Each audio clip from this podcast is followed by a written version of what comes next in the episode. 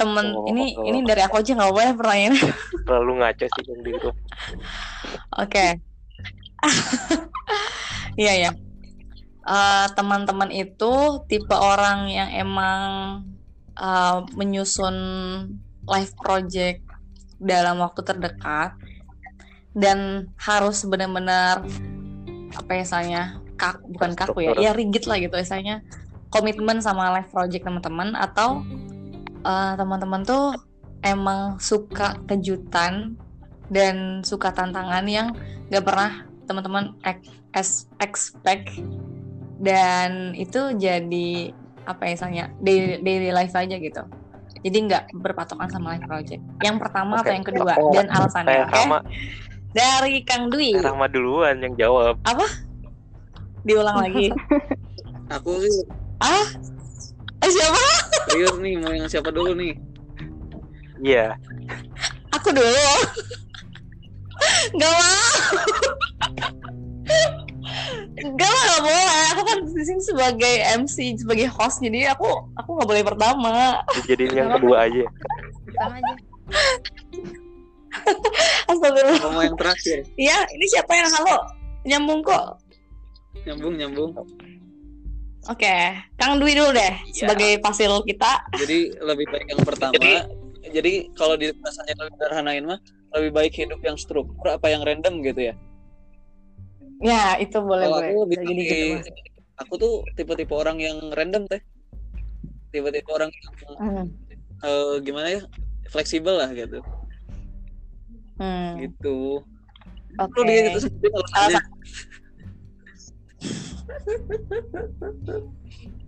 alasannya. Gimana? alasannya karena bagi aku tuh kadang kita ya tadi makna lagi gitu kadang kita tuh bakal nemuin makna loh di tiap perjalanan hidup kita tuh soalnya kenapa aku suka banget random emang pada dasarnya aku tuh orangnya random banget Eh, Iya, iya. ada Oke. random loh gitu. Iya, iya, iya. I see. awal-awal SMK aja gitu. Aku SMK tuh bukan dari jurusan informatika. Tapi random aja. Oh gitu. dari teknik mesin gitu. Jauh Oh tadi masih iya. Wadidaw. dan ya di situ kegiatan tuh ya udah ambil ambil aja gitu. Kalau ada kegiatan oh ini menarik nih gitu. Ya udah ambil. Tapi selesaiin gitu. Dengan catatan selesaiin. Kalau belum selesai Hmm. jangan ditinggalin. Gitu aja sih kalau udah selesai Oh. udah baru eh, di situ aku mutusin eh, ini mau lanjut apa mau ganti yang baru kayak gitu Oke. Jadi kalau belum selesai, ya selesain, jangan ditinggalin gitu ya. Gitu. Oke. Oke, next dari Teh Mila. Eh, terstruktur atau random gitu ya Eh, sama sih aku orangnya random juga. Maksudnya nggak terlalu yang eh, harus ngerjain apa harus ngerjain apa yang bener-bener rinci banget gitu. Cuman tetap punya targetan juga. Cuman misalnya targetnya tuh target yang jauh gitu loh. Jadi di tengah-tengah di tengah-tengah sebelum ke si target Hmm. itu tuh aku bisa ngerjain apa ya banyak random gitu. Tapi nanti pas ke udah ke tujuan ya harus sampai gitu. Cuman di tengahnya tuh nggak terlalu step-stepnya tuh Oh. tapi nggak terlalu kayak gitu Tapi emang udah, misalnya emang suka nulis target-target juga juga, gitu. Eh, cuman bayangan doang jadi emang orangnya tuh nggak terlalu nggak terstruktur gitu emang Oh. punya bayangan nanti aku eh, Oke, oke. gini. cuman nggak terlalu atau tidak ya Oh, udah I see, I see, I see. tapi kalau emang Jadi eh dalam memori imajinasi aja gitu ya. Pokoknya ntar aku harus jarang mencapai aku ini yang gitu ya. targetan kayak gitu Oh, Oke, oke. Jadi Mm-mm. random dan fleksibel. Oke deh. eh alasannya udah belum sih tadi?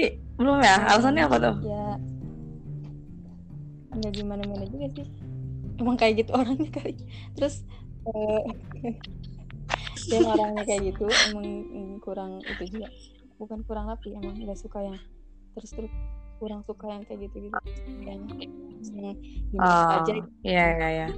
Jadi eh, sukanya emang spontanitas gitu ya kalau bahasa psikologisnya mah. Oke, next Kang Lucky deh. Atau eh Teh Melinda dulu deh. Teh Melinda, Dede.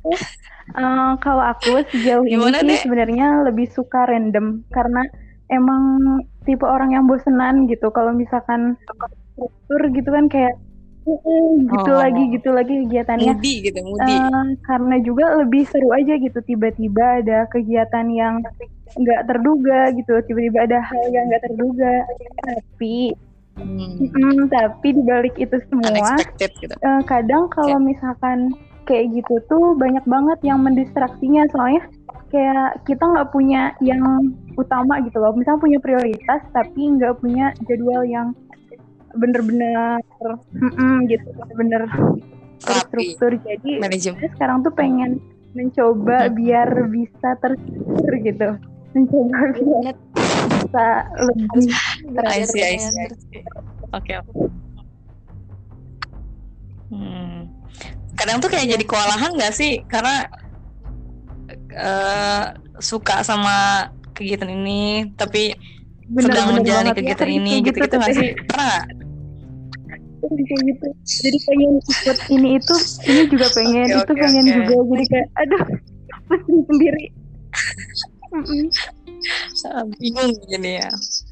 Oke, next. Kang Kayaknya udah deh. Bak deh yang mana. terstruktur ini meski doang Yang pertama ya. Ya, Sebenarnya dua-duanya sih.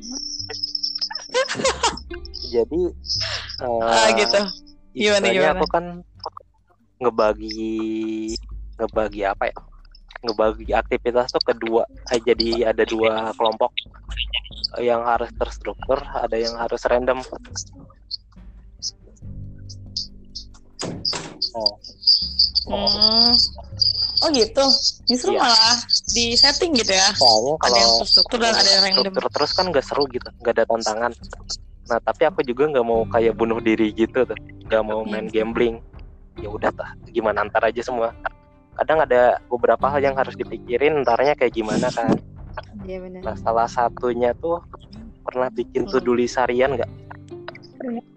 Aku belum pernah. To do list harian. Jadi hari ini Nah, aku mau kan ngapain aja aku gitu. tuh pernah riset gitu, ada beberapa cara, ada yang per jadwal gitu, per jam, ada yang per poin. Hari ini aku mau ngapain aja, beres-beres kosan, belajar, sama apa gitu. Nah kalau aku itu yang implementasinya yang per poin, misalkan hari Jumat itu hari eh hari Sabtu itu hari bersih bersih ya udah bersih bersih kosan cuci baju jemur apa kasur atau apa gitu kenapa aku bikin yang list harian itu tuh biar ada waktu luang. Aku kan suka nonton anime atau tiduran main sosmed segala macam. Nah aku tuh bikin to do list itunya tuh biar bisa Iya. ada me time gitu tuh waktu nyantai-nyantainya. Makanya bikin to do list. Nah, terus kalau hal random itu kayak Hmm. misalkan minggu oh itu waktunya random. Ya udah minggu pengen renang ya renang. Minggu pengen main ya main aja gitu jadi dibagi dua biar seimbang Hmm. itu balik lagi ke manajemen waktu juga sih Oke oke oke. nantilah Iya. mungkin sharing-sharing Mantap kan? Mantap nih. Hmm, mantep mantep aku mantep. mau bagi dua manajemen ya. mau bagi dua juga kayak gitu. ya ikutin ah Ya ngikutin Oh gitu. Dasar. Tapi iya kan, bener kan. Iya, Jadi iya. bagi dua ya. Mantap sih. jadi istilahnya hidup kita aman tapi enggak gampang bosan juga tuh Hmm, iya. Mantep banget. Gimana? Oke deh. Iya oke oke. Ini sebenarnya mini riset juga ya. Penasaran juga nih. eh, bagaimana sih orang tuh memanage kehidupannya gitu. Apakah emang fokus on life project atau emang suka tantangan dan ya udah random aja gitu apa yang dihadapi sekarang dan itu menarik. nah ya ayo gitu. Ini sebenarnya mini riset juga. Dan kadang gitu, random tuh bikin kita tuh nggak ini. Kadang kalau kita terstruktur ya, kadang kita selalu mikir, eh, misal nih, kecil tuh aku punya cita-cita misalnya jadi dokter. Terus di pertengahan jalan aku ternyata nggak nggak nggak nyampe ke dokter gitu dan banyak perintangannya gitu. Misalkan kita jangan ngomongin dokter lah terlalu tinggi tentara deh apa aja tentara kan punya syarat-syarat tertentu kan gitu Tentara juga tinggi cuy. Tentara. iya Iya, tapi punya syarat yang Ah, iya. fisik gitu tapi kan tiap orang perjalanannya tuh eh kehid- pola kehidupannya tuh nggak sehat-sehat amat gitu yang bikin fisiknya itu nggak bisa nggak bikin dia masuk tentara gitu dan pada akhirnya kan ya itu kalau misalkan terstruktur stres gitu itu tuh Hmm, ya ya ya ya. ya. kalau aku Ya mah sih, jadi ada yang terstrukturnya tuh short term sama long term jadi ada yang jangka pendek sama jangka nah panjang kalau ini gila sih ini rapi bener guys manajemen hidup. mungkin pernah pernah sharing sama Ya Kang Dwi juga ya, ya, yang kan masalah mungkin. komunitas yang jangka pendek sama jangka panjang. iya nah, iya aku iya, bikin pernah, konsepnya tuh gitu. Kalau yang emang terstruktur banget, kayak aku kan istilahnya bikin komunitas. Nah, jadi di komunitas itu tuh aku benar-benar terstruktur gitu. Eh, tahun ini mau ngapain, targetnya apa, dua tahun targetnya apa, tiga tahun targetnya apa, empat tahun targetnya apa, sampai lima tahun targetnya apa, apa. Jadi dibikin listnya gitu. Ini tercapai nggak? Kalau Hmm. nggak tercapai, kita evaluasi lagi masalahnya apa. Bikin plan A, plan B, plan C. Tapi di dalamnya juga ada sisi random gitunya. Jadi combine aja lah biar tetap Hmm. Ini bagian, dari implementasi Ya, sistem thinking tapi kan. bikin teori sendiri sih. tapi Oke, kadang teorinya oke. ini Kang kadang walaupun kita awalnya nggak tahu oh itu sistem thinking ya tapi ternyata kita tuh se- sebenarnya udah ngelakuin sistem Iya. thinking kan gitu kadang gitu loh Iya, sepakat, sepakat. Kadang tuh kita nggak sadar sebenarnya kita tuh sedang menciptakan teori sendiri karena menurutku ya everyone has his own teori Yes. gitu dan punya has his own uh, execution karena eks- eksekusi orang-orang tuh beda-beda terhadap satu dan punya referensi yang berbeda-beda gitu ya ya enggak sih Tah, eta Tapi itu- pisan, mantep jiwa. Ini Tapi seru buku yang juga ya kemarin di yang Thinking Fast and Slow itu rekomendasi sih buat dibaca. Soalnya itu ngerubah pola pikir kita juga. Istilahnya aku tuh punya istilah kayak manajemen otak. Hmm. Jadi otak manusia kan terbatas. Einstein aja kan cuma make otaknya tuh cuma 4%. Apalagi kita gitu, mas-mas dan mbak-mbak biasa kan. Jadi kita harus Iya. maksimalin maksimalin potensi otak kita gitu. Mbak, mbak. cuma serbuk marimas gitu Jadi di buku itu tuh dibagi dua. Iya, iya. Eh, istilahnya aku pernah baca teorinya jadi otak tuh ada yang bis- otak secara default tuh mikirnya secara spontan itu yang fast thinking tapi otak juga bisa dilatih dengan yang slow thinking. Nah otak kan ada apa namanya ada batas maksimalnya. Nah kalau kita keseringan pakai yang low think eh, yang slow thinking kita mikir oh ini impactnya apa? A B C D D eh, A B C D E F G gitu. Itu tuh ngebebanin ke otak. Jadi ada beberapa hal yang kita harus pakai yang fast thinking. Kayak misalkan milih makanan kayak ah gue pengen makan ayam goreng ya udah makan ayam goreng gitu tapi keseringan kita kan mikir wih pengen ayam goreng enaknya ayam apa ya akhirnya lama mikir di sana kan itu tuh ngebebanin otak jadi otak kita nggak maksimal Oke, oke. nah itu Wah, Secara- ya. secara garis besar bisa diimplementasiin ke manajemen waktu itu tadi. Makanya aku bagi dua, Hmm. ada yang random, ada yang terstruktur. Jadi biar waktu yang aku punya tuh maksimal juga.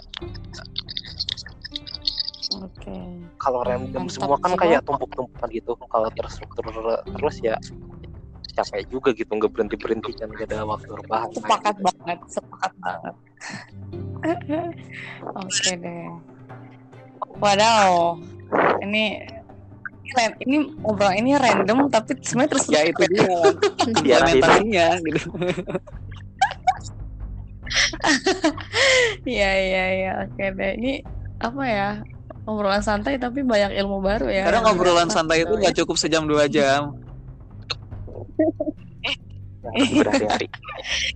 Iya benar-benar. Oke deh, itu ya tadi pertanyaannya udah terakhir ya.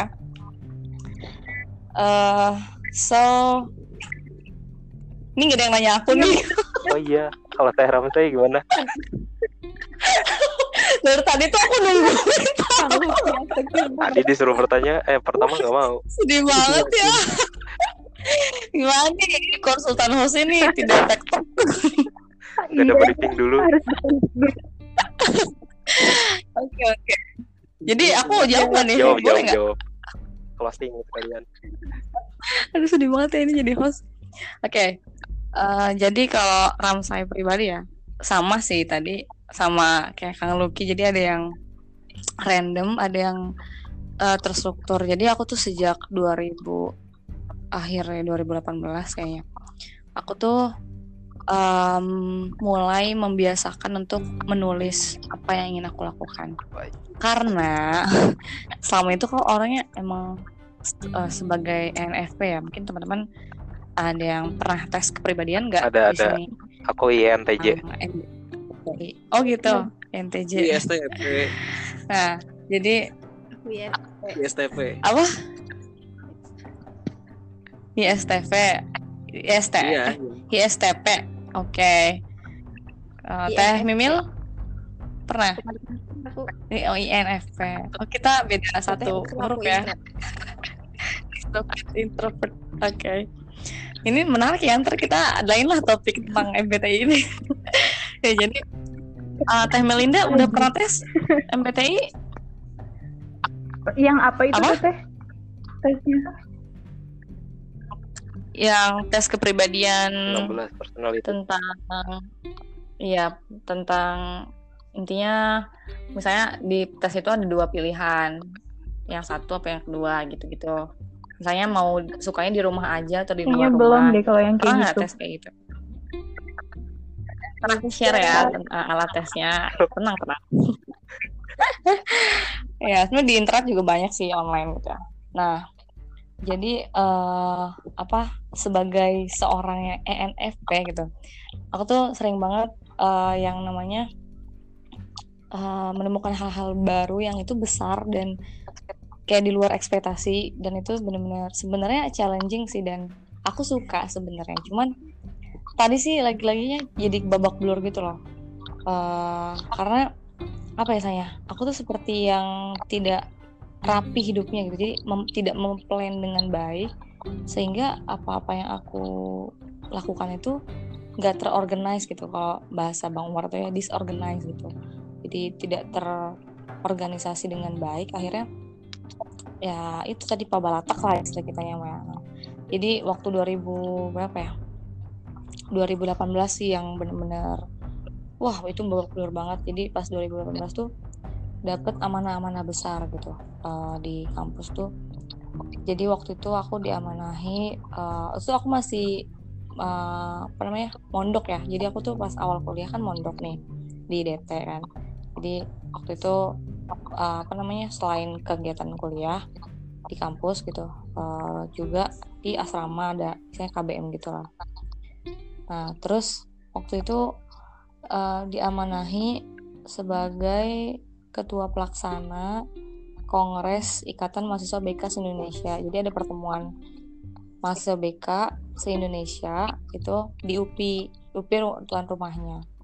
Ketika pembentukan panitia, aku terpilih sebagai ketuanya gitu dan eh, aku itu aku nggak bisa, maksudnya aku udah apa ya istilahnya, udah menolak sebenarnya karena menurutku itu suatu hal yang sangat besar dan pengalamanku di kampus tuh masih min- minim banget sih masih tingkat dua guys. Eh, terus ya udah akhirnya. Tapi intinya aku menerima juga karena aku suka tantangan juga. Nah di itu kan bulan apa ya? Bulan Juli kalau di bulan eh itu bulan April apa Mei ya? Lupa lah intinya gitu. Terus di dua bulan kemudian itu tuh aku dapat amanah lagi di asramaku itu yang di DT itu ada ada ada kalau ini ada orang nggak sih Ini Kan lagi dengerin.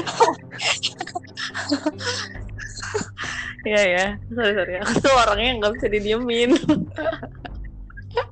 Iya ya. Eh, jadi ketika di data itu eh, di- akan jadi ada asrama tuh kayak ada BEM-nya gitu loh, ada kepengurusan gitu lah. Eh, namanya OSTQ organisasi santri sekian ya gitu.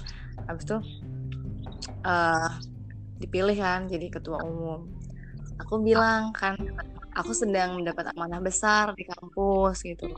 Jadi ketuplak kongres. Pokoknya intinya skala nasional gitu. Eh, itu nggak simpel lah walaupun itu cuman kepanitiaan dan sampai berakhir September gitu ya. Berakhirnya sampai September aja.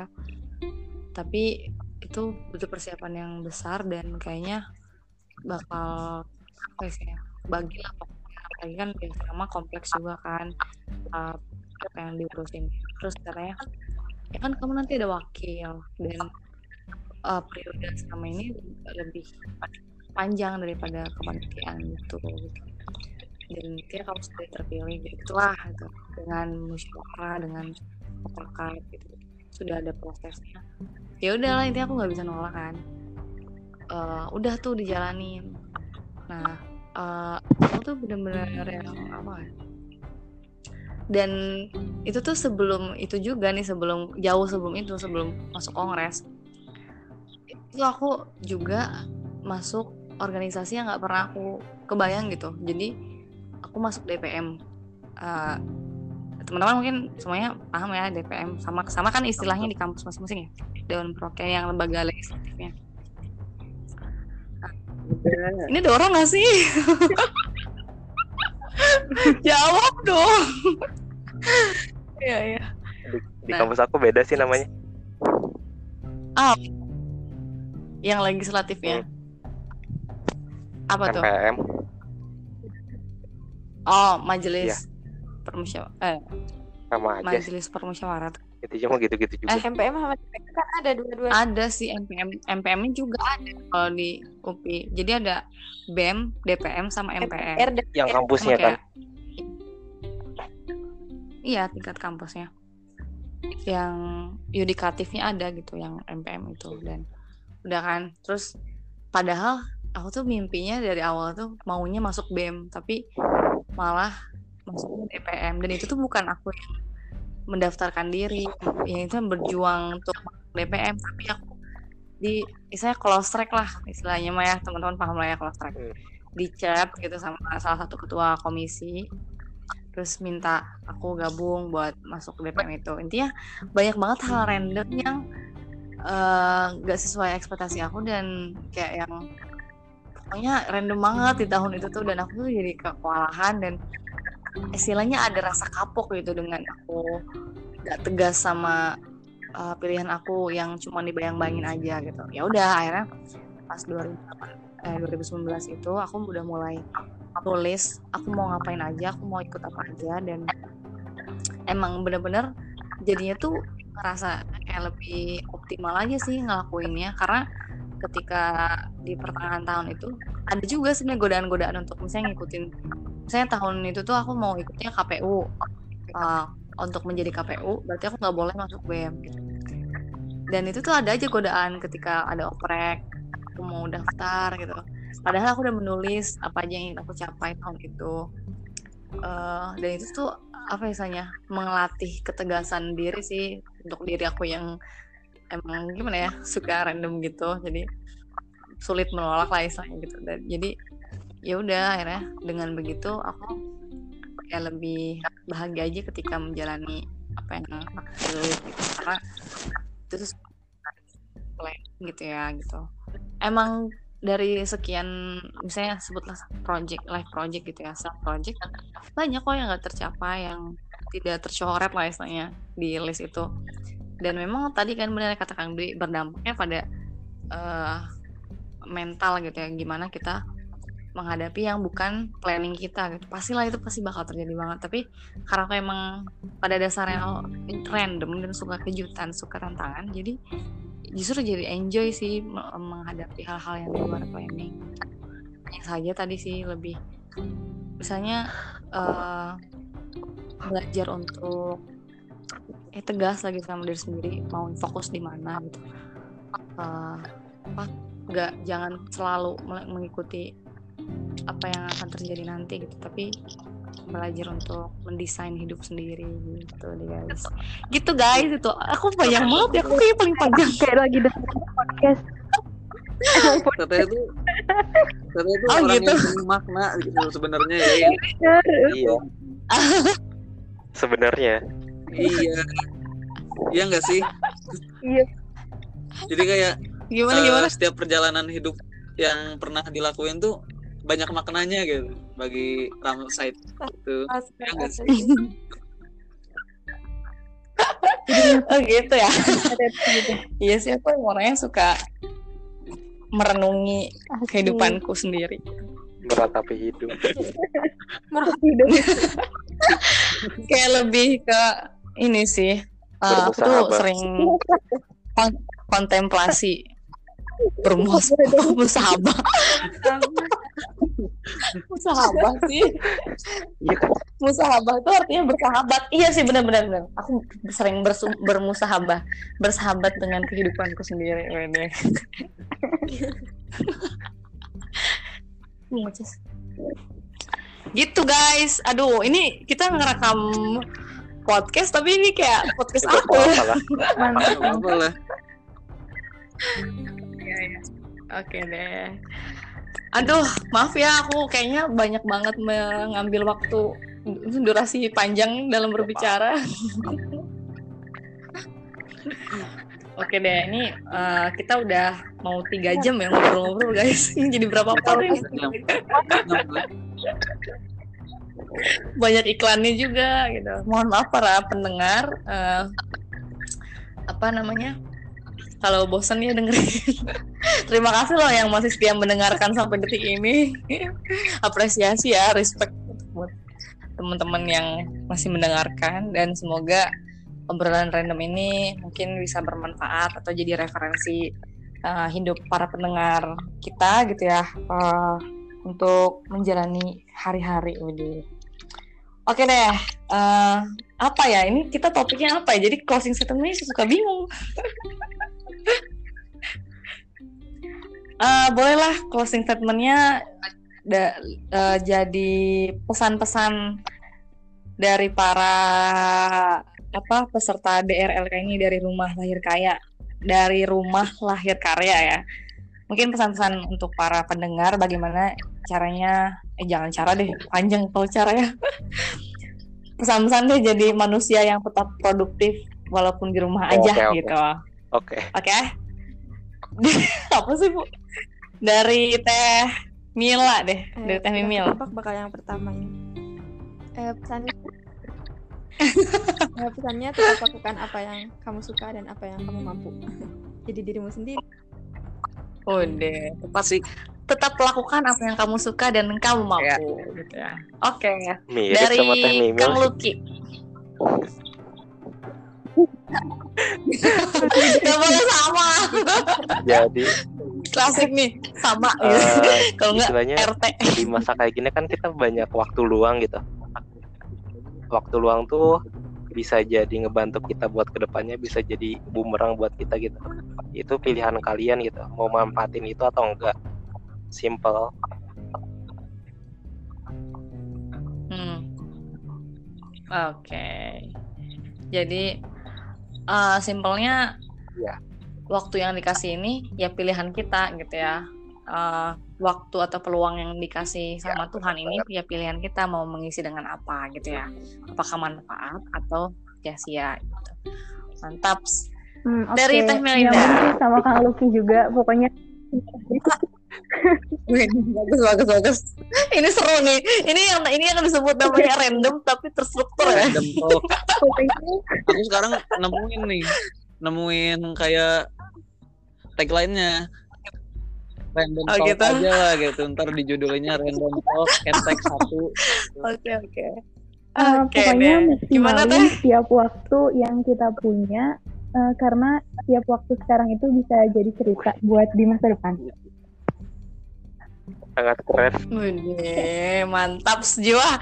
Jadi maksimalin waktu yang kita punya karena setiap waktu itu punya cerita untuk di masa depan ya. Punya makna. Gila gila gila.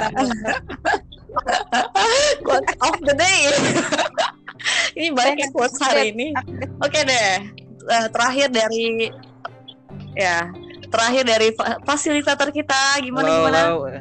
Eh, sebenarnya udah hampir sama kan banyak sih pesannya dan udah ke mention sebagian gitu sama Kang Luki, Teh Mimil sama Teh Mel juga. Kalau dari aku mungkin tambahan aja ya. Ini mah buat kalian yang ngerasa gitu-gitu aja, ngerasa down, gak punya semangat, itu kerasa banget sih. Karena eh, aku pun ngerasain itu juga beberapa minggu lalu. Pesan dari aku sih simpel aja. Eh, coba kalau kalian punya memori-memori masa lalu yang baik. Punya foto yang menurut kalian ini tuh ini gua banget di waktu itu. Coba lihat lagi karena dengan melihat memori-memori lama yang positif bisa bikin bangkitin harapan kamu. Gitu. Waduh. itu aja. Oh, mantap jiwa. Jadi eh, memori lama itu bisa membangkitkan yang positif ya harapan baru ya. yang gitu ya. positif ya Iya betul. jangan jangan liatin Please foto ya. mantan. Jangan lihat album bersama mantan gitu. Tadi ada yang mau lihat sudah mantan tuh. positif. Kang gimana tadi? Aduh. enggak enggak ini konteksnya konteks oh dulu tuh pernah misalnya nih di organisasi gitu kan sukses nih ngejalan acara ada foto bareng coba liatin itu gitu itu kan bisa jadi penyemangat juga Udah di Oke deh. Siap-siap mantap. Jadi eh, memori lama yang positif dapat membangkitkan yang baru. Oke deh, mungkin sekian ya eh, ngobrol kita eh, kali ini. Semoga bermanfaat buat para pendengar. Minimal buat diri kita sendiri ya. Kalau misalnya kita mungkin suatu hari lagi self reflection dengar podcast ini, oh iya ya benar dapat insight-insight lagi yang mungkin sudah terlupakan gitu ya. Ini makasih banget loh buat waktunya teman-teman tim 4 ini ambiar. ini pertama kali bang aku rekaman sampai berlima gini. Wah, ini eksklusif ya, perdana. Oke deh. eh, mungkin sekian dulu obrolan kita malam ini. Yeay. See you in Bye. next podcast. Bye. goodbye dadah teman-teman Bye.